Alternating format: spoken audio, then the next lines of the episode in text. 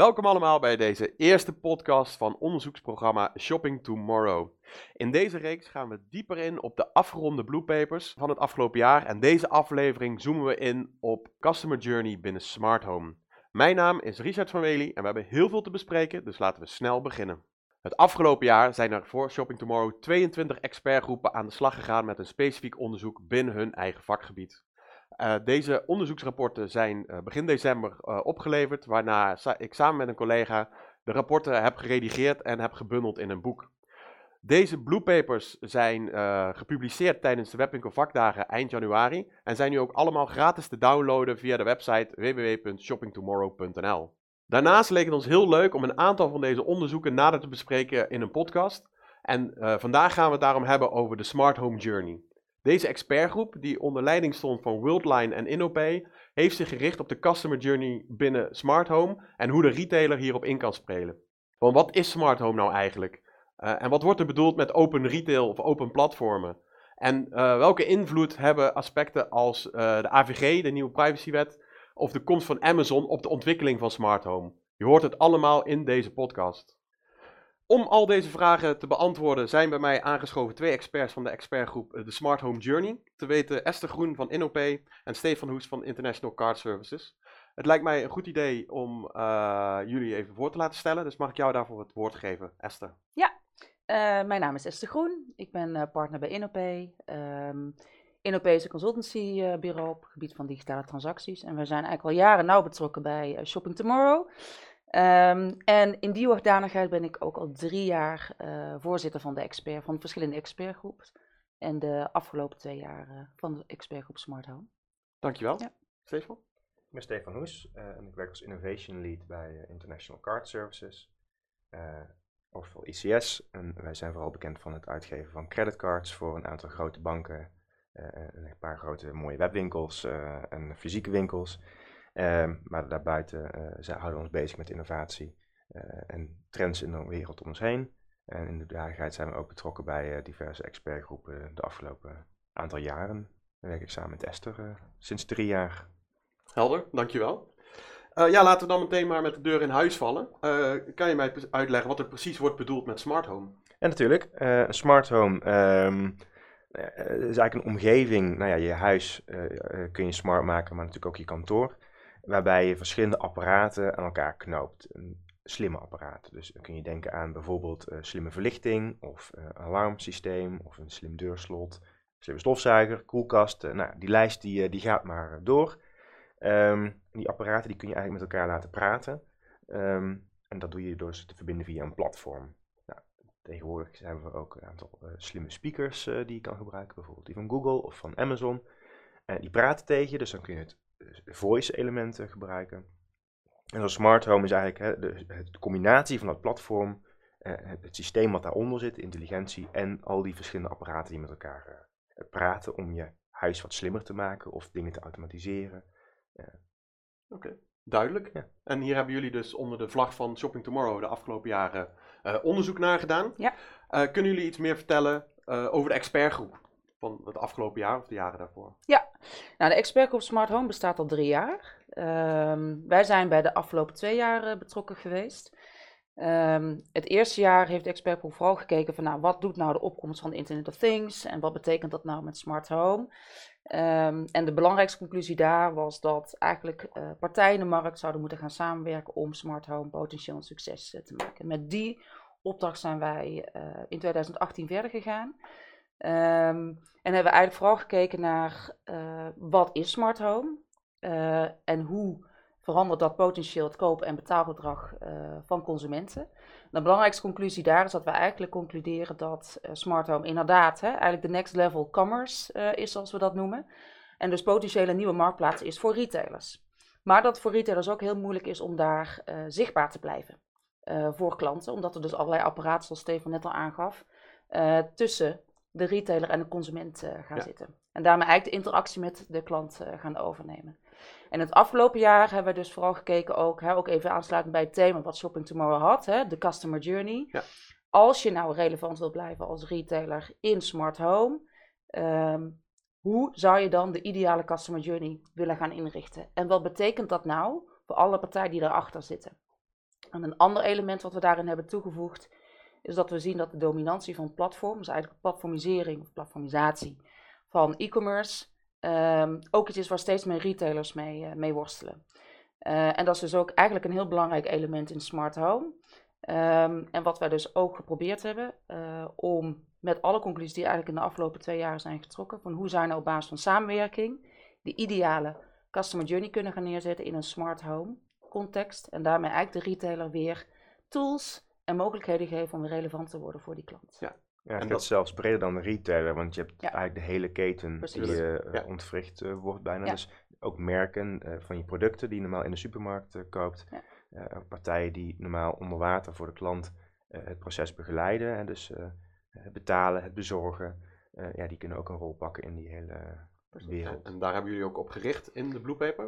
Ja, we hebben eigenlijk alle componenten meegenomen. We hebben die Ja. volledige customer journey van het onboarden op een systeem tot het eh, bij wijze van eh, afnemen, bezorgen, eh, hebben we meegenomen. Ja. Hè, dus als je kijkt naar de experts die in de expertgroep zaten, is dat zo'n vertegenwoordiger van de hele keten. Ja, oké. Ehm, ja, dus we hebben eigenlijk de expertgroep van dit vorig jaar uitgebreid met een stuk onboarding, delivery, maar ook servicing. Dus wat we eigenlijk zien is die hele customer journey begint gewoon bij een goede onboarding. Dus goed kunnen snappen van wat wil die klant doen. Eh, wat voor producten en diensten wil die gaan doen vanuit zijn smart home. Want eigenlijk ga je gewoon als klant aankopen doen en transacties doen vanuit je eigen thuisomgeving. Dat is wat smart home is. Ja.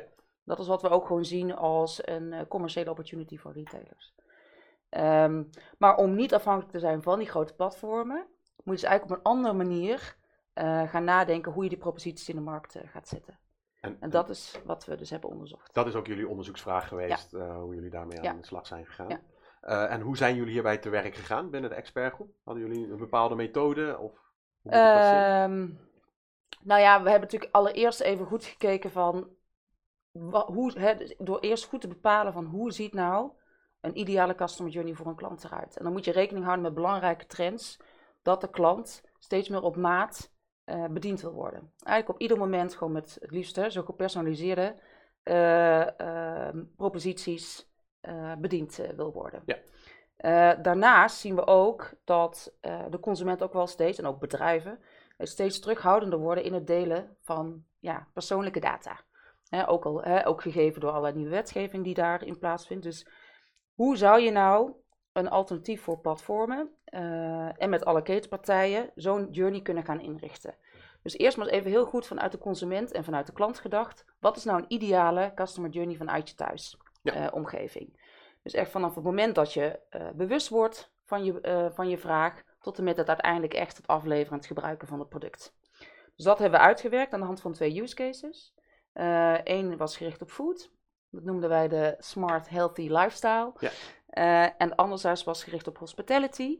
Eh, en dat noemden we de, de Smart Winter Wonderland, om maar even Ja. een, eh, een voorbeeld te geven. Dus we hebben helemaal doorgeakkerd met de expertgroep. Als hoe ziet zo'n journey er van A tot Z uit? En wat betekent dat ehm, in de data-uitwisseling die daarvoor nodig is? Want om een goede gepersonaliseerde data-propositie, smart home propositie te kunnen neerzetten, heb je data van de klant nodig. En heb je data van de partijen in de keten nodig. Dus dat hebben we helemaal in kaart gebracht. En vervolgens hebben we gekeken, eh, wat betekent dit nou ehm, voor alle partijen onderling? Wat heb je daarvoor nodig en welke problemen kom je dan tegen? En dat zijn eigenlijk de aanknopingspunten geweest om vervolgens ook na te denken wat zouden dan de onderwerpen zijn of de win-win situaties zijn op basis waarvan je zou moeten gaan samenwerken. Oké. Ja. En in jullie Blue Paper praten jullie ook over open retail. Ehm, kun je iets vertellen wat daar precies mee wordt bedoeld? Ja, de, open retail, we hebben, ja, we hebben het open retail genoemd. Eigenlijk wat wij ehm, zien, ehm, hè, er zijn heel veel vormen van platforms in de markt. Maar we hebben het even helemaal plat geslagen. Je hebt open en gesloten platforms.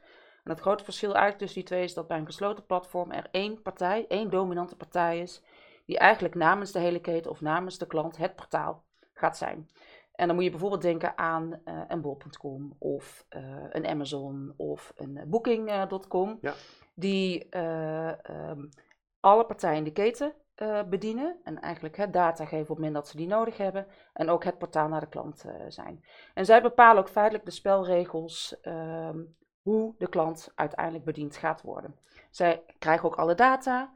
En kunnen op basis van die data eigenlijk steeds betere proposities gaan ontwikkelen. Maar daarmee maakt het eigenlijk voor alle partijen die daaronder uiteindelijk toch het stukje dienstverlening of het product moeten leveren, steeds moeilijker om daar zelf ook eh, competitief ehm, eh, te, te worden en te blijven. Ja, logisch. Dus we hebben eigenlijk gezegd van nou, er is ook een alternatief, dat noemen we een open platform. eh, waarbij er dus niet één dominante partij is, maar waarbij je eigenlijk met alle partijen onderling afspraken gaat maken hoe je eenzelfde customer journey kunt gaan leveren.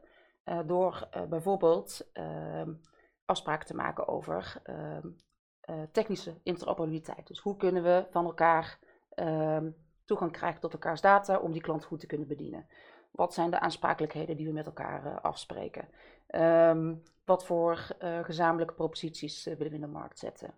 En voorbeelden daarvan zijn bijvoorbeeld Ideal, waarbij banken eigenlijk onderling met elkaar afspraken hebben gemaakt om van elkaars infrastructuur gebruik te maken, zodat de klant eigenlijk altijd op dezelfde manier tussen bankentransacties eh, kan doen in een e-commerce omgeving.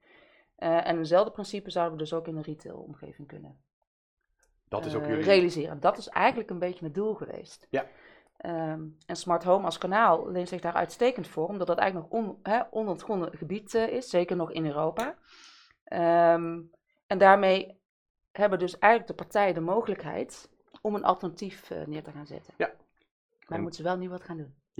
En dat is ook jullie tip, om, Ja. om- dat echt naar voren komt, dat jullie daar... Nu moet er iets gebeuren vanuit de markt.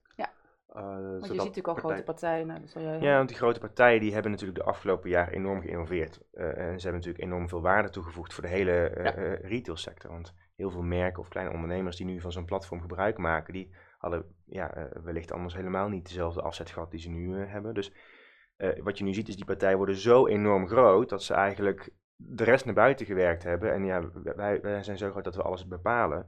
En door ook met open retail of open platformen te werken, eh, ehm, breek je eigenlijk weer opnieuw iets open om te kunnen innoveren en met elkaar samen te werken. En ja, je, je gaat er eigenlijk een nieuwe cyclus in. Ja. Ja, en dan staat niet één dominante partij. Hè, dus daar gaan eigenlijk alle partijen die gewoon die customer journey mogelijk, inclusief de klant, krijgen gewoon de middelen en de tools om ook gewoon innovatief te blijven en relevant te blijven voor de klant. Ehm, en dat is ook gedreven door wat we in Europa zien gebeuren. Hè. Dus met de opkomst van de AVG, eh, maar ook PSD2. Hè, je kan eigenlijk een beetje de parallel trekken misschien Ja. ook met open banking. Hè, waarbij ook gewoon wetgeving eigenlijk zegt van ja, we willen gewoon klanten eh, de mogelijkheid geven om van innovatieve diensten gebruik te maken, een derde partij toegang te geven tot hun financiële data. Hetzelfde principe zou je natuurlijk ook gewoon in e-commerce kunnen Ja. toepassen. Ehm, en dat is eigenlijk een beetje het uitgangspunt eh, geweest. En wat we in Europa zien, is dat er echt een trend aan het ontstaan is, waarbij eh, ook Europa, als het gaat om data, dit gaat natuurlijk alleen maar over data, ehm, dat de controle over die data eh, teruggaat naar de eigenaar van de data. En dat kan de consument zijn, dat kan het bedrijf eh, zijn, of eigenlijk iedere organisatie van wie de data is, zonder dat je daarmee je data op een centraal platform hoeft neer te zetten. Dat noemen we datasoevereiniteit, Ja. hè, of zelf-soevereine data of identiteit. Eh, en als je dat principe eigenlijk verder gaat doorvoeren, ga je eigenlijk zien dat proposities veel meer moeten aansluiten bij die behoeften van klanten. Dus de klant wil gewoon tools hebben, middelen hebben om de waarde die over zijn data wordt gerealiseerd, ook zelf terug te zien. Logisch. En dat zie je met grote platforms zoals Amazon of Facebook of Google, zie je dat natuurlijk gewoon eigenlijk voor een belangrijk deel bij dat soort grote partijen blijven. Ja. En die gaat niet terug naar de consument of naar de partij die daaronder eh, zitten. Eh, je, je stipt het net zelf ook al aan met de AVG. Eh, Ja. Biedt die nog uitdagingen, obstakels, zeg maar, eh, binnen eh, jullie plan, jullie voorstel? Eh, nou ja, ik denk dat vooral voor de partijen eh, die Esther net aanstipt, die grote big tech companies, ja, daar doet het evenzeer voor, zo'n AVG. Ja, want ze hebben dat op een bepaalde manier ingericht. Ja. En, en nu moeten ze ineens, of nee, dat hebben ze aanzien komen, maar ze moeten nu eh, eh, zich aan bepaalde regels gaan houden. Maar die AVG is er niet om eh, bedrijven en klanten te pesten, die is er juist om eigenlijk handvatten te creëren. Oké, we willen dit allemaal op een bepaalde manier, we willen die data delen, maar hoe dan? Laten we het op een gestandaardiseerde manier doen. Dat je als gebruiker ook precies weet waar je aan toe bent en hoe dat dan mag en kan. En zeker voor partijen die nu eigenlijk met hun propositievorming bezig zijn, biedt het enorme kansen. Want je kunt eigenlijk privacy by design eh, inrichten. Je kan er meteen goed over nadenken. Je krijgt meteen eigenlijk een handboek van, oké, als je het dan wil doen, dan moet het op deze manier. Ja. Ehm, ja, in onze optiek biedt het meer kansen. zeker voor de, de, de opkomende partijen, dan bedreigingen. Omdat ook smart home zo nieuw is, eigenlijk alles moet nog opgezet worden. Dus je kan alles Ja. aan de regels van de AVG gewoon ophangen en meteen Ja. goed van start gaan. Ja, zeker als je met open retail zelf je afsprakenstelsel neer wilt gaan zetten en je wilt daar goed over nadenken, ja, dan ja. zou je dat zeker nu, is het het moment om Ja. daar eh, nu eh, de kans te pakken. Ja, en jullie eh, zeiden ook, eh, er zijn nog niet echt één, één grote partij die de macht naar zich toe eh, pakt. In Amerika is Amazon natuurlijk vrij groot, ook met, met Alexa. Heel veel mensen gaan al automatisch naar Amazon toe om daar te bestellen. En met Alexa wordt het alleen maar makkelijker gemaakt. In hoeverre zien jullie de komst van Amazon naar Nederland en ook misschien de introductie van Alexa in Nederland als wel een partij die dan de macht naar zich toe grijpt? Eh, ik noem maar iets, misschien geven ze gewoon bij een Prime abonnement gratis een Alexa weg aan de klanten. eh, zodat ze hun eigen ecosysteem gaan creëren. Is dat, is dat dan een, een, een obstakel, een uitdaging, een gevaar? Nou, Amazon biedt natuurlijk een mooie propositie aan eh, in Amerika. Je krijgt er eh, van alles en nog wat bij. Hè. Ja. Korting zoals we dat hier bij sommige supermarkten zien. Eh, je krijgt eh, eh, store, eh, storage in the cloud, muziek, films en eh, nou ja, free delivery. Dat is nu best wel een flinke, toffe propositie om daarmee te concurreren als je in Nederland eh, ja, nu al de markt aan bedienen bent. Ehm, maar zo'n speaker, en je, me- hè, je ziet dus die Google Home speaker in Nederland die al de Nederlandse taal eh, aan kan. Nederlanders springen niet meteen allemaal op. Je moet dan toch een investering doen in, ehm, in kleine investering in aanschaf van zo'n ding. Ehm, maar ook de tijd die het kost om zo'n ding op te zetten. Want je merkt nog dat de taal nog niet helemaal lekker soepel loopt altijd. Mensen raken soms gefrustreerd. Het is toch even, als je het goed wil laten werken, moet je eigenlijk een soort van nieuwe taal leren. Namelijk de Google-taal. Je kan niet een natuurlijk gesprek met zo'n ding voeren. Je moet korte commando's geven. Eh, dus ja, eh, en dan bovenal de privacy. Mensen zijn toch een beetje gevoelig over, ja, maar luistert dat ding nou de hele dag mee? We weten dat niet zo heel erg goed en er wordt van alles over geschreven en beweerd. Ja. Ehm, dus er is een bepaalde terughoudendheid. Dus ik denk dat het uiteindelijk wel komt, maar ik geloof niet dat Amazon nu in één keer eh, poef massaal heel eh, Nederland aan die smart speakers krijgt en in één keer de hele markt platwalst. Want Maar het voordeel wat zij hebben als Amazon, is dat ze natuurlijk eigenlijk feitelijk meteen een propositie kunnen aanbieden die van A tot Z gewoon in hun platform zit. Hè? Dus Ja. eigenlijk hebben zij gewoon de hele waardeketen al in hun platform zitten. Maar als je daar gewoon een interface als een voice eh, aan gaat hangen, dan zou dat potentieel natuurlijk wel een stuk versnelling eh, kunnen meebrengen. Dat is ook wel iets wat we eh, twee jaar geleden hebben geconcludeerd. Hè? Dat voice wel een accelerator kan zijn Ja. voor smart home. Ik ben het helemaal eens met, hè, met Steven, want Albert Heijn heeft een tijdje terug natuurlijk ook al zo'n actie gehouden op een, op een Google speaker in combinatie met een propositie. Maar daar zit dus precies het punt. Je hebt niks aan een voice speaker als er geen goede propositie achter zit. En ik denk dat dat dus wel, even als je het hebt over wat dit soort platformen dus kunnen doen, zij kunnen dus wel meteen een propositie erachter hangen. Even los van alle security en privacy vraagstukken die Mhm. erachter zitten. Eh, en daar is denk ik ook wet en regelgeving echt eh, belangrijk. En daar zullen dit soort partijen ook rekening moeten, mee moeten gaan houden. Dus het zal in dat opzicht ook nog wel hè, wat vertraging of wat Ja. eh, belemmering opleveren. Maar ik, ik heb wel de indruk dat dit wel het moment is dat partijen in beweging moeten gaan komen. Eh, want ook al is het niet met voice, dan gaat het op andere manieren gebeuren. Hè? Net als precies wat Stefan zegt, die slimme apparaten kunnen ook gewoon interacteren via een app of via tv of via een andere vorm van, eh, van interface. Dus dat dit gaat gebeuren, daar geloven wij ook echt in. Zie je ook terug in de G- eh, GFK, hè, dus Ja. GFK-cijfers. Dat de toename aan slimme apparaten in huizen is ook gewoon echt aan het gebeuren. Eh, voor meer dan 60% van de eh, mensen weet ook wat een smart home is. En als je daar even helemaal diep op ingaat, moet je natuurlijk afvragen of. Maar goed, hè, het feit dat het een concept is wat steeds meer, of een begrip is wat steeds meer aan het landen is. eh, en dan is het natuurlijk een kwestie van tijd. dat daar uiteindelijk ook straks iets mee gedaan Ja. gaat worden. Ehm, en de consument staat ook wel steeds meer open om gepersonaliseerde diensten en producten in huis te ontvangen. Mits het veilig eh, Ja. en met toestemming en et cetera gebeurt. Maar daar ligt dus precies, denk ik, eh, voor partijen in de keten ook de mogelijkheid en de kans om hier ook echt iets mee te doen. En dat was een van de belangrijke redenen waarom we dit onderzoek hebben gedaan. Van hoe zou je dat dan moeten gaan doen? Eh, retailers, producenten en allerlei partijen die daar dus zeg maar ook in actief zijn. En dat GFK-onderzoek laat ik dan ook zien. Hè? Dus mensen zijn wel bewust van smart home en dat er van alles kan. Ja. Maar de bereidheid om daar de data voor vrij te geven is nog heel erg beperkt. Ja. En dan is in de, met name die transparantie. Oké, ik ga dit attribuut, dus bijvoorbeeld ik ga je voornaam of je geboortedatum gebruiken. En dat ga ik doen om te controleren of je oud genoeg bent om alcohol te kopen. En voor de rest doen we daar niks mee. En als je dan ook aan houdt, hè, walk the talk, je houdt je aan wat je zegt en het is wel erg transparant. Ja, dan kun je ook dat comfort krijgen. En dan zegt die klant ook, oh, nou, vooruit. Dan wil ik best wel met een, uh, een, een, een slijterij mijn geboortedatum delen. Ja. Ja, ik vond het ook wel een heel grappig uh, item uit, uit het onderzoek. Mensen wilden heel graag gepersonaliseerde uh, aanbiedingen krijgen, maar niet hun gegevens delen. Nee. Dus dat is een hele paradox natuurlijk die je daar uh, creëert. Ja. Maar uh, terugkomend op de veiligheid. het komt nu, ja, alle huizen worden bijna slimmer. Energiemeters, lampen. Laatst was ook Philips Hue in het nieuws met een, een, een, een hack die met een update verholpen zou kunnen worden. Ehm, hoe, zeer zit het daarmee? De veiligheid, kan die al beter gegarandeerd worden? Of is dat ook gewoon iets met vallen en opstaan?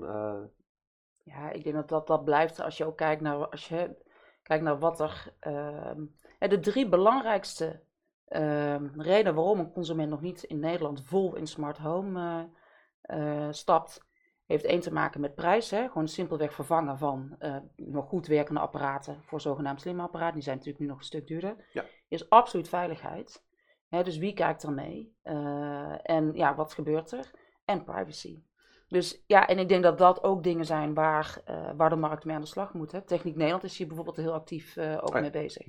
Om te kijken van ja, als we dit soort apparaten gaan installeren in huizen, hoe zorgen we dat we daar dan wel op een bepaalde manier aan die, de wet en regelgeving gaan voldoen? Het is dus wel een beetje vallen en opstaan. Ja, Vor, zeker. vorige week of twee weken terug was er in het nieuws natuurlijk de, de bekende deurbel waar je met de camera uh, Ja. uh, kan praten als je, als je niet thuis bent, dat die nu een twee-staps-verificatie moeten toevoegen. Dat heeft natuurlijk ook met die veiligheid Ja. te maken. Dus je kan niet zomaar meer even meekijken. Ehm, is de Nederlander soms wel laks, hè? overal hetzelfde paspoort, overal 1, 2, 3, 4. Eh, pincode naast je Ja. pas in de la. Dus ja. Ja, je moet daar echt naar een gedragsverandering toe. Maar dat is sowieso eigenlijk wel nodig. überhaupt Eh, dus het is niet dat door smart home of open retail nu in één keer super onveilig wordt. Kijk, als jij normaal je deur niet op slot doet, ja, dan kun je ook zo naar binnen. Ja, het wordt alleen maar relevanter. Ja, dus we, ook door, dus daarmee vind ik ook, hè, dus het hele open retail concept wordt daarmee super relevant.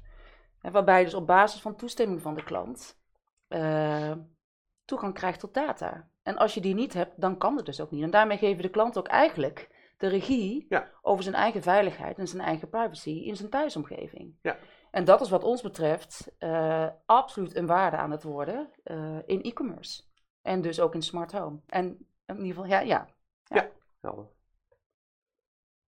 Even terugkerend naar jullie Blue Paper. We hadden het net al over dat er twee use cases eh, werden behandeld om gewoon dingen wat duidelijker te maken, te duiden. Eh, zou je die wat nader toe kunnen lichten? Wat uitgebreider kunnen vertellen wat daar precies eh, in omgaat? Ja, ehm, nou, we hebben twee eh, scenario's uitgewerkt die wel enigszins in de toekomst zich afspelen. Het boodschappenscenario waarbij we ervan uitgaan dat die persoon in zijn huis een aantal apparaten heeft. En al een keer de tijd en moeite genomen heeft om het allemaal te installeren en alle API's en alle passwords aan elkaar te knopen. Dus dat zit niet in het scenario, dat, dat moet je een keer gedaan hebben. Ja. Ehm, en dan gaan we ervan uit dat ehm, je agenda is gekoppeld, je koelkast is gekoppeld, eh, je hebt een keer je dieetvoorkeuren eh, aangegeven. En dat dat platform in dat systeem en die intelligentie erachter zit, die geeft dan op een gegeven moment aan, hey, eh, je bent vandaag deze week eh, drie avonden thuis, je eet drie dagen thuis. We hebben gekeken wat er in het seizoen is, uh, wat er de aanbieding is en wat je lekker vindt. Ik zie dat je thuis bent, de tv springt aan en laat jou een aantal menus zien, want anders krijg je één smaakje, dus je krijgt nog wel wat keus. Op basis van wat jij dan lekker vindt of waar je nou zin in hebt. Goh, ik heb deze week echt zin in stampot. Nou, dan kies jij uh, die menus voor die avonden uit. Vervolgens kijkt dat systeem met wat sensoren die je in huis hebt ook, goh, het wc-papier is bijna op, uh, dus dat restock ik, want dat is in de aanbieding. Um, en dan wordt het vanzelf bezorgd op het moment dat het jou uitkomt. Dan kan dat zijn dat je wanneer je thuis bent, wanneer je dat wilt hebben. Of dat jij bijvoorbeeld een afgesloten berging hebt met een koelkast erin, waarbij de bezorger uh, met een eenmalig wachtwoord jouw slimme slot open kan doen, de boodschap in de koelkast kan zetten. Het wordt pas afgerekend op het moment dat dat allemaal geregistreerd is door die koelkast. En dan die deur weer achter zich heeft dichtgedaan. Dus het speelt in op een stuk privacy en veiligheid. Je moet wel die hele keten goed ingeregeld hebben. Dus dat is het boodschappen-scenario om eigenlijk echt convenience te, te leveren. En het winterwonderland scenario gaat over een dame die, eh, die houdt van wintersport. Die ziet iets op, op televisie voorbij komen. Het kanaal op televisie, dat is verbonden. Hè? Dus we weten precies op eh, deze zender zo laat speelt er dit. Dus die, die verbanden kunnen gelegd eh, worden. Ze ziet een, een sneeuwreclame of een sneeuwprogramma en ze wil graag op wintersport. En krijgt eigenlijk een compleet customized aanbod voor een wintersportvakantie op een tijd dat het haar uitkomt in haar agenda. voor haar budget. Eh, in een resort of eh, eh, skigebied wat past bij haar ervaring. En, nou, en dan krijgt ze een compleet vakantiepakket eigenlijk hè, door een reisorganisatie die al die verschillende partijen weer aanschakelt. Dus je hotel, het verhuren van je snowboard of je skis, wat je daar pas geleverd krijgt. Je ticket krijg je aan de voorkant al geregeld. Misschien wil je nog wel een e-book om in je vliegtuig Ja. of op vakantie daar te lezen. Dus dat wordt gedownload en dan Ja. wordt op je, op je Kobo geïnstalleerd of op je, eh, appara- op je, op je iPad. Ehm, en eh, de verzekering, nou die heeft ze, maar die moet misschien worden aangevuld. Ja. Misschien tijdelijk. Dus dat heeft er ook weer eh, mee te maken dat, dat die dame dan van tevoren wel een aantal voorkeuren ingesteld moet hebben. Je kan niet zomaar poef, eh, reken maar af. Dus beide gebruikers hebben in hun settings aangegeven of ze in control willen zijn. Dat kan zijn alles onder de 100 euro, schrijf maar af. Of alles boven een bepaalde waarde of met een bepaalde impact. Dat wil ik even met een pingetje op mijn telefoon eh, bevestigen. Eh, of ik wil alles handmatig doen. Dus die gebruiker is in controle, maar je, je wordt eigenlijk naarmate van je eigen privacy en je eigen voorkeursinstellingen, word je ontzorgd en Ja. krijg je een mooie propositie aangeboden. En Dat, dat, dat laatste, dat denk dat dat heel belangrijk is. Voor mij klinkt dit echt fantastisch en eh, voor het gemak. Maar ik ken ook heel veel mensen in mijn omgeving, mijn ouders of iets dergelijks, die hier juist ook weer door worden afgeschrikt, geschrokken. Eh, dat zij ehm, er niet aan moeten denken dat er iemand gewoon toegang kan krijgen tot hun huis, bijvoorbeeld. Ja.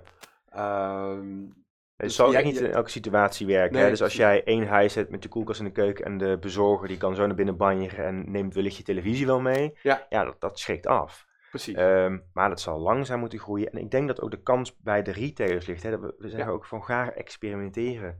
Eh, ik vertrouw jou als retailer, als klant. Want ik kom daar al jaren. Ik koop bij jou. Dus ik ken jou goed. Ik weet hoe je heet. Jij weet precies wat ik bij jou gekocht heb. Dus ik heb daar een vertrouwensrelatie Precies. mee. Die kan ook zeggen, gewoon nou, eh, als je dit en dit nou aanschaft. Of je kan klein beginnen. Je hoeft niet meteen heel die serie in te richten. dat is het Je kan best klein beginnen. En zo iemand kan als merchant op zo'n platform dus juist zo'n klant gaan helpen en dat vertrouwen winnen en hem daarin begeleiden. En daar, daar kan die merchant ook die, die rol pakken en straks ook die vertrouwde rol houden op dat platform. Maar dat is echt cruciaal. Hè? Eh, en dat is natuurlijk ook eigenlijk als je helemaal de rode draad van dit hele verhaal. Is zonder vertrouwen ga je geen transacties doen. Ga je geen data uitwisselen. Dat is de basis, het uitgangspunt van de AVG. Is ook het uitgangspunt van hè, de datastrategie die Europa afgelopen maand heeft eh, eh, gelanceerd. Zonder vertrouwen in een digitale context ga je niet eh, veilig kunnen hè, kopen, betalen, eh, aanschaffen, surfen, whatever. En daar hebben natuurlijk nu alle instituten zijn erin gesproken. Dat zijn nu de grote platforms aan het worden. En we zien eigenlijk nu, ja, die platforms brengen eigenlijk een heel ander effect met zich mee. Waar we het net al eerder over hebben gehad.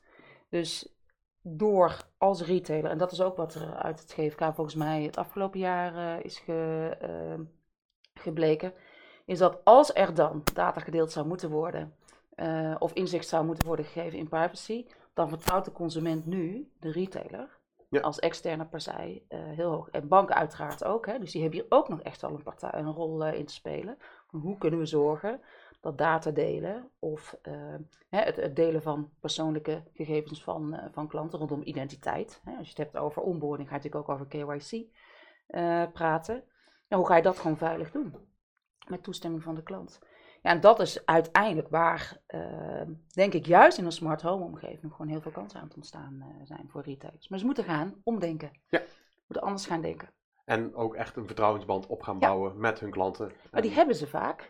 Eh, dat was wel grappig, we hadden iemand van Postillon in onze expertgroep. Eh, hè, dus heel veel van de boeken van reizen gebeurt eigenlijk al via Booking.com. Wat nu Booking doet, is ook die hotelgast, het moment dat ze in het hotel van Postillon zijn, ook allerlei diensten aanbieden. Ja, Postillon zegt, maar dat is natuurlijk eigenlijk heel raar. Ze zijn gewoon bij ons. Wij kunnen dat heel goed zelf eh, doen. Ja, dus die gaan ook steeds meer beseffen dat die hele klantreis Dus niet de aanschaf van eh, de hotelkamer is, maar alles wat eromheen eh eh, hoort. Hè, dus stripjes boeken, leuke restaurants adviseren, entertainment, alles wat er zeg maar bij komt. Op het moment dat jij gewoon naar een hotel gaat, of dat zakelijk is of privé, daar kan je natuurlijk gewoon een rol in gaan spelen. ja. Maar je moet dat wel, eh, dus je moet eigenlijk veel breder kijken dan misschien hè, het product of de dienst die je altijd hebt geleverd. Ja. Je gaat veel meer vanuit de klant reizen en vanuit de behoeften van die klant eh, opereren. En eh, je zei net, die twee scenario's eh, die je nu schetst, die, die liggen in de toekomst. Kan je een, een, een, een indicatie geven van hoe ver we dan eh, moeten denken? Nou ja, eh, het hoeft niet per se heel ver in de toekomst te liggen, want de techniek die is er eigenlijk al wel. Het samenwerken tussen verschillende partijen. Albert Heijn kan natuurlijk prima met zijn thuisbezorgservice via zijn Google app die ze gebouwd hebben, dat doen. Alleen, jij moet wel dat slimme slot hebben. Jij moet wel het vertrouwen Ja. hebben dat jij die... Want ik vertrouw Albert Heijn misschien als merk, maar ik weet, ik ken die bezorger toch niet? Ik heb die bezorger nog nooit gezien. Ik vertrouw die bezorger wel. Dus dat is toch ook wel even lastig. Dus ik denk dat de aanschaf van al die apparaten tot we daar zijn en die vervangingscyclus, zeg maar. Hè, dus je gaat niet, als het nu prima werkt, ga je niet eh, je hele eh, eh, hebben en houden vervangen, want dat kost gewoon enorm veel geld. Maar op het moment dat nu jouw eerst voor een keer je wasmachine stuk gaat of je koelkast, en dan voor ongeveer gelijkbare prijs kun je een slimme koelkast kopen, ja, why not? Maar dat duurt gewoon eventjes. En eh, de- vandaar de toekomst. Als je nu bewijzen van alle apparaten in de, in, de, in de winkel allemaal smart maakt, ja, en iets gaat vijf tot tien jaar mee, ja, dan duurt het gewoon vijf tot tien jaar voordat we zover zijn met z'n allen. Ja, je ziet natuurlijk ook wel dat er al onderdelen zijn waarom je een bestaande, hoe je een bestaande koelkast bijvoorbeeld slim zou kunnen maken. Ehm, Ja, dan maar goed, erin. ik denk, ja, hè, ja. we, even in het kiezen van deze use case hebben we eigenlijk twee uitgangspunten gepakt. Eén, wat is op dit moment vanuit de markt en vanuit de behoefte van de klant eigenlijk de meest realistisch op de meest korte termijn. Dat is de food eh, Ja. eh, use case. En we hebben ook al eigenlijk in de expertgroep aangetoond dat het technisch mogelijk is. Maar daar zit vaak het punt dus niet. Hè, Het punt zit in de adoptie. En het gevoel van hè, het creëren van vertrouwen en laten zien aan de klant dat het inderdaad op zijn of haar condities eh, ehm, en voorwaarden kan. Dus dat is één. De hospitality case is eentje die gewoon al in stukjes zou kunnen eh, realiseren. Ehm, maar die is gewoon complexer eh, in zijn totaliteit. Het is ook meer een dienst. En het idee daarachter was om vooral juist die complexiteit gewoon eens aan te tonen. Wat betekent dat dan op de wat lange termijn? Dus die zie ik wel wat verder weg eh, liggen. Alhoewel ik weet, nou ja, Postillon, hè, een van onze experts, is er gewoon echt actief mee bezig. Ja. Maar die zijn met smart hotelkamers bezig. Dus die zijn eigenlijk met een smart home-achtig concept in de hotelkamer bezig. Waarvan waaruit je dus al transacties zou kunnen gaan doen. Maar in beide gevallen kun je een Ja. deel van het scenario. Kijk, we hebben nu Ja, gezegd, eh, precies. de boodschappen Precies. worden in koelkast gezet in koelkast betaalt het zelf. Ja, misschien is dat hele stuk nog niet helemaal nodig, maar zeg je het bestellen en de voorkant, hè, het onboorden, dat wil ik wel, maar zorg het maar gewoon op het moment dat ik thuis ben en dat laatste stuk. Dus ja, je kan ook bij die eh, vakantie, eh, kun je bepaalde delen van, dat, van, het, van het traject kun je prima al gewoon eh, gaan bouwen. En daar kun je dus als merchant of als retailer ook mee gaan experimenteren. Dus je hoeft niet Ja. te wachten tot het helemaal klaar is en al die componenten voor het meest mooie droomscenario af zijn. Eh, je, je kan gewoon aan de, start, aan de slag. Ja. Nee, en dat is ook echt niet ons advies. Eh, want dan, dan duurt het inderdaad eh, veel te lang. Hè, ga Ja. gewoon beginnen met, eh, inderdaad, hè, wat Stefan ook terecht zegt, ga eens gewoon beginnen met wat een voice propositie bijvoorbeeld betekent. Hè, wat heeft dat voor impact eh, voor je eigen eh, propositie, voor je eigen datahuishouding? Ehm, ja, want het is echt heel anders om een voice propositie bij een klant neer te zetten dan iets wat je gewoon op een webpagina of hè, bij wijze van spreken aan de balie eh, Ja. vertelt. Dus je moet op een heel andere manier in de interactie met je klant gaan treden. Dus dat is belangrijk dat je daarmee gaat, gaat oefenen. En breng eens even in kaart wat dan echt een customer journey van je klant zou kunnen zijn. En wat wij bijvoorbeeld twee jaar geleden al hebben geconcludeerd van nou, voor retailers is er eigenlijk best een hele mooie opportunity aan het ontstaan in het laatste stukje van de customer journey, het leveren van de producten. Je ziet heel veel partijen worstelen met dat last mile eh, principe. Eh, en daar zouden retailers natuurlijk best al een rol in kunnen gaan spelen. Ehm, en ook het inspireren eh, van klanten. Bijvoorbeeld Albert Heijn heeft een paar jaar geleden besloten om een aantal van haar winkels al om te tuigen. Naar, of om te bouwen naar ehm, inspiratiesessies. Hè, Ja. Of winkels waarin je gewoon nieuwe producten kunt gaan proeven. Want dat is wel een nadeel. Wat wij ook echt wel zien van algoritme en data gestuurde proposities. Dat je toch een soort van verkokering gaat krijgen. Het algoritme gaat voor jou bepalen. Dat zie je volgens mij ook als in Netflix. Je krijgt altijd dezelfde dingen aangeboden. Ja, dat, zo werkt dat natuurlijk niet per se. voor iedereen. Ook jij vindt het leuk om eens weer wat anders eh, eh, te zien of te horen. Dus dat zijn denk ik allemaal eh, ideeën en, en ontwikkelingen waar je als retailer, maar ook als producent over na moet gaan denken. Hè? Branding, pricing, eh, hoe zorg ik dat ik gewoon in beeld kom bij die klant? Via wat voor apparaten? Je zou misschien dus met, ja, zorg maar dat je in het huis eh, gaat komen. Ja. Met je apparaten. Eh, en ook denk ik, hè, voor betaaldienstverleners, maar moet jij misschien ook maar even op reageren. Hè? Ook daar zie je natuurlijk een verandering ontstaan. Hè? Dus waar nu wordt er gewoon veel, eh, de consument wil eigenlijk liever pas op het moment dat het geleverd wordt of liever achteraf eh, betalen. Nou, dat betekent ook dat je op een hele andere manier naar, voor, ook als merchant, moet gaan kijken van hoe, wat betekent dat dan voor mijn Ja. eh, risico's. Ehm, en ik denk dat daar ook betaaldienstverleners een hele belangrijke rol kunnen gaan, eh, gaan spelen. Ja, dus hoeveel flexibiliteit en maatwerk je aanbiedt, ja, aan de andere kant betekent dus ook flexibiliteit en maatwerk aan de aanbiedende kant. Ja.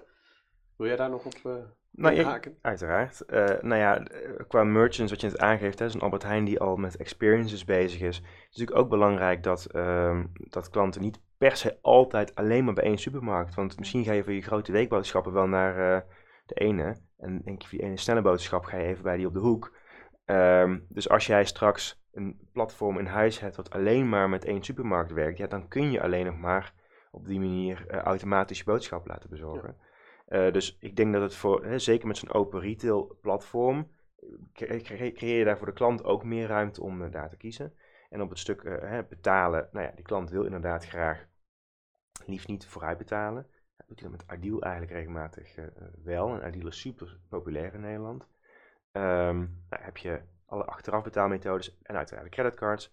Ehm, en het is vaak een afweging voor de aanbieder, hè, de, de winkelier, die zegt ja, ik bied een aantal betaalmethodes aan, want dat is eh, goed voor mijn conversie of dat is, vindt mijn klant fijn. Eh, dus die klant kan dan zelf die afwegingen maken. En je ziet dus dat betaaldienstaanbieders ook eh, aan het, aan het onderzoeken zijn naar hoe kunnen we nou mee in die trends en die ontwikkelingen. Nou, wij, zijn ervoor aan het zorgen dat onze techniek straks klaar is. dat je met tokens aan de slag kunt. En dan kun je zeker zelf bepalen als klant waar je die tokens in stopt. Of je het in je horloge stopt of in je koelkast of in je Tesla. Eh, wat voor mandaat dat ding dan heeft. Ehm, en nou ja, je kunt dan met de winkelier afspreken. Eh, eh, die kan zeggen, goh, als je vooraf betaalt krijg je korting. Of als je achteraf betaalt krijg je korting. En een betaaldienstaanbieder kan dan in dat gat springen. En die kan zeggen, die propositie die die winkelier niet aanbiedt, die bieden wij aan. Dus wil je graag achteraf betalen, maar je wil wel dat de winkelier meteen zijn geld heeft. Nou, dan kies je dus bijvoorbeeld voor een creditcard. Wil je graag overzicht en, en wil je direct in de gaten hebben wat er gebeurt. En dan kies je misschien wel voor je lopende rekening, maar dan in combinatie met een mooie PSD2-oplossing, dat je mooi dat overzicht krijgt. Dus je ziet gewoon heel veel gebeuren en veranderen ook in die wereld Ja. van betalen. En dat, dat gaat allemaal parallel aan elkaar. En de klant moet in alles tegelijkertijd wennen. Dus het is ook voor betaaldienstaanbieders heel belangrijk om die klant aan de hand te nemen en ervoor te zorgen dat ze in ieder geval die betaaldienstverleners blijven vertrouwen. Eh, ik denk dat wij eh, nog heel lang eh, over dit onderwerp kunnen doorpraten. Zeker als ik zie hoeveel eh, passen jullie erin eh, gooien. Helaas moeten we wel gaan afsluiten, omwille van de tijd. Ik wil jullie alleen nog vragen, alle- alle- allebei. Wat is nou de belangrijkste tip die een retailer meegeeft om op, met smart home om te gaan? Stefan. Ehm, ik denk dat je moet, gewoon moet beginnen. Ga als je eh, groenten verkoopt of als je vakanties verkoopt, heb je natuurlijk een heel ander aanbod. Maar ga nadenken over wat smart home of wat voice kan betekenen voor het ding wat je aanbiedt.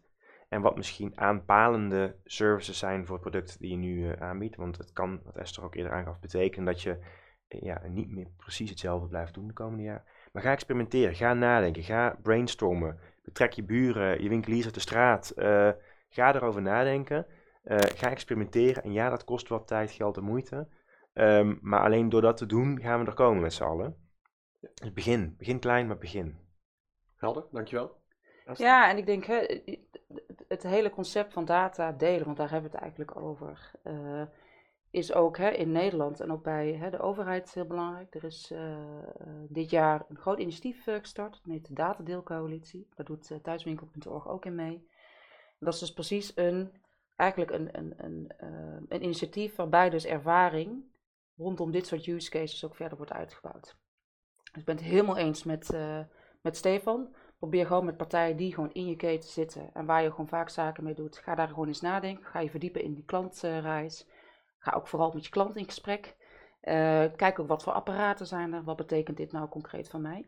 En hou ook gewoon even de grote lijnen uh, in de gaten. En we hebben zelf hè, de POC uh, soort van op papier uitgetekend, dus technisch is het mogelijk. En het zou, wij het ontzettend leuk vinden om die ook echt te realiseren met partijen in de markt. Dus die oproep staat ook in de paper. Ja. Um, maar ja, en ik denk ook als je kijkt naar het smart home als, hè, als nieuw opkomend kanaal. Ja, dit is wel een kans voor retailers. Um, en dan zeg ik ook duidelijk even retailers, omdat ik denk dat zij toch echt in dat opzicht nog steeds de meest relevante partij kunnen zijn richting de klant. Om um, ja, het heft weer in eigen handen te nemen. En te laten zien dat er wel degelijk een alternatief is uh, voor de grote marktplaatsen. Uh, door samen te werken en data te delen. En uh, met de klant gewoon goed in gesprek te gaan. Ja. Oké, okay, dankjewel. Eén laatste vraag nog. Komt er volgend jaar, een, dit jaar een vervolg op de Smart Home Expert Groep? Nee, Nee, dit, we hebben afgesloten met dit hele mooie advies. Helder. uh, nee, dus uh, er komt geen vervolg. Maar goed, uh, er zijn alle initiatieven in de markt rondom smart home. Ehm, waar retailers natuurlijk sowieso terecht kunnen. Ja. Super, ja. dankjewel. Daarmee zijn we aan het einde gekomen van deze podcast over, over smart home. Ik wil hierbij graag mijn gasten Esther en Stefan hartelijk bedanken voor hun tijd en het delen van hun kennis. Mocht je als luisteraar nog meer willen weten over smart home, neem dan een kijkje op de website www.shoppingtomorrow.nl. Daar vind je alle bluepapers van Smart Home, ook alle andere onderwerpen die daar gratis te downloaden zijn. Voor nu bedankt voor het luisteren en graag tot de volgende keer.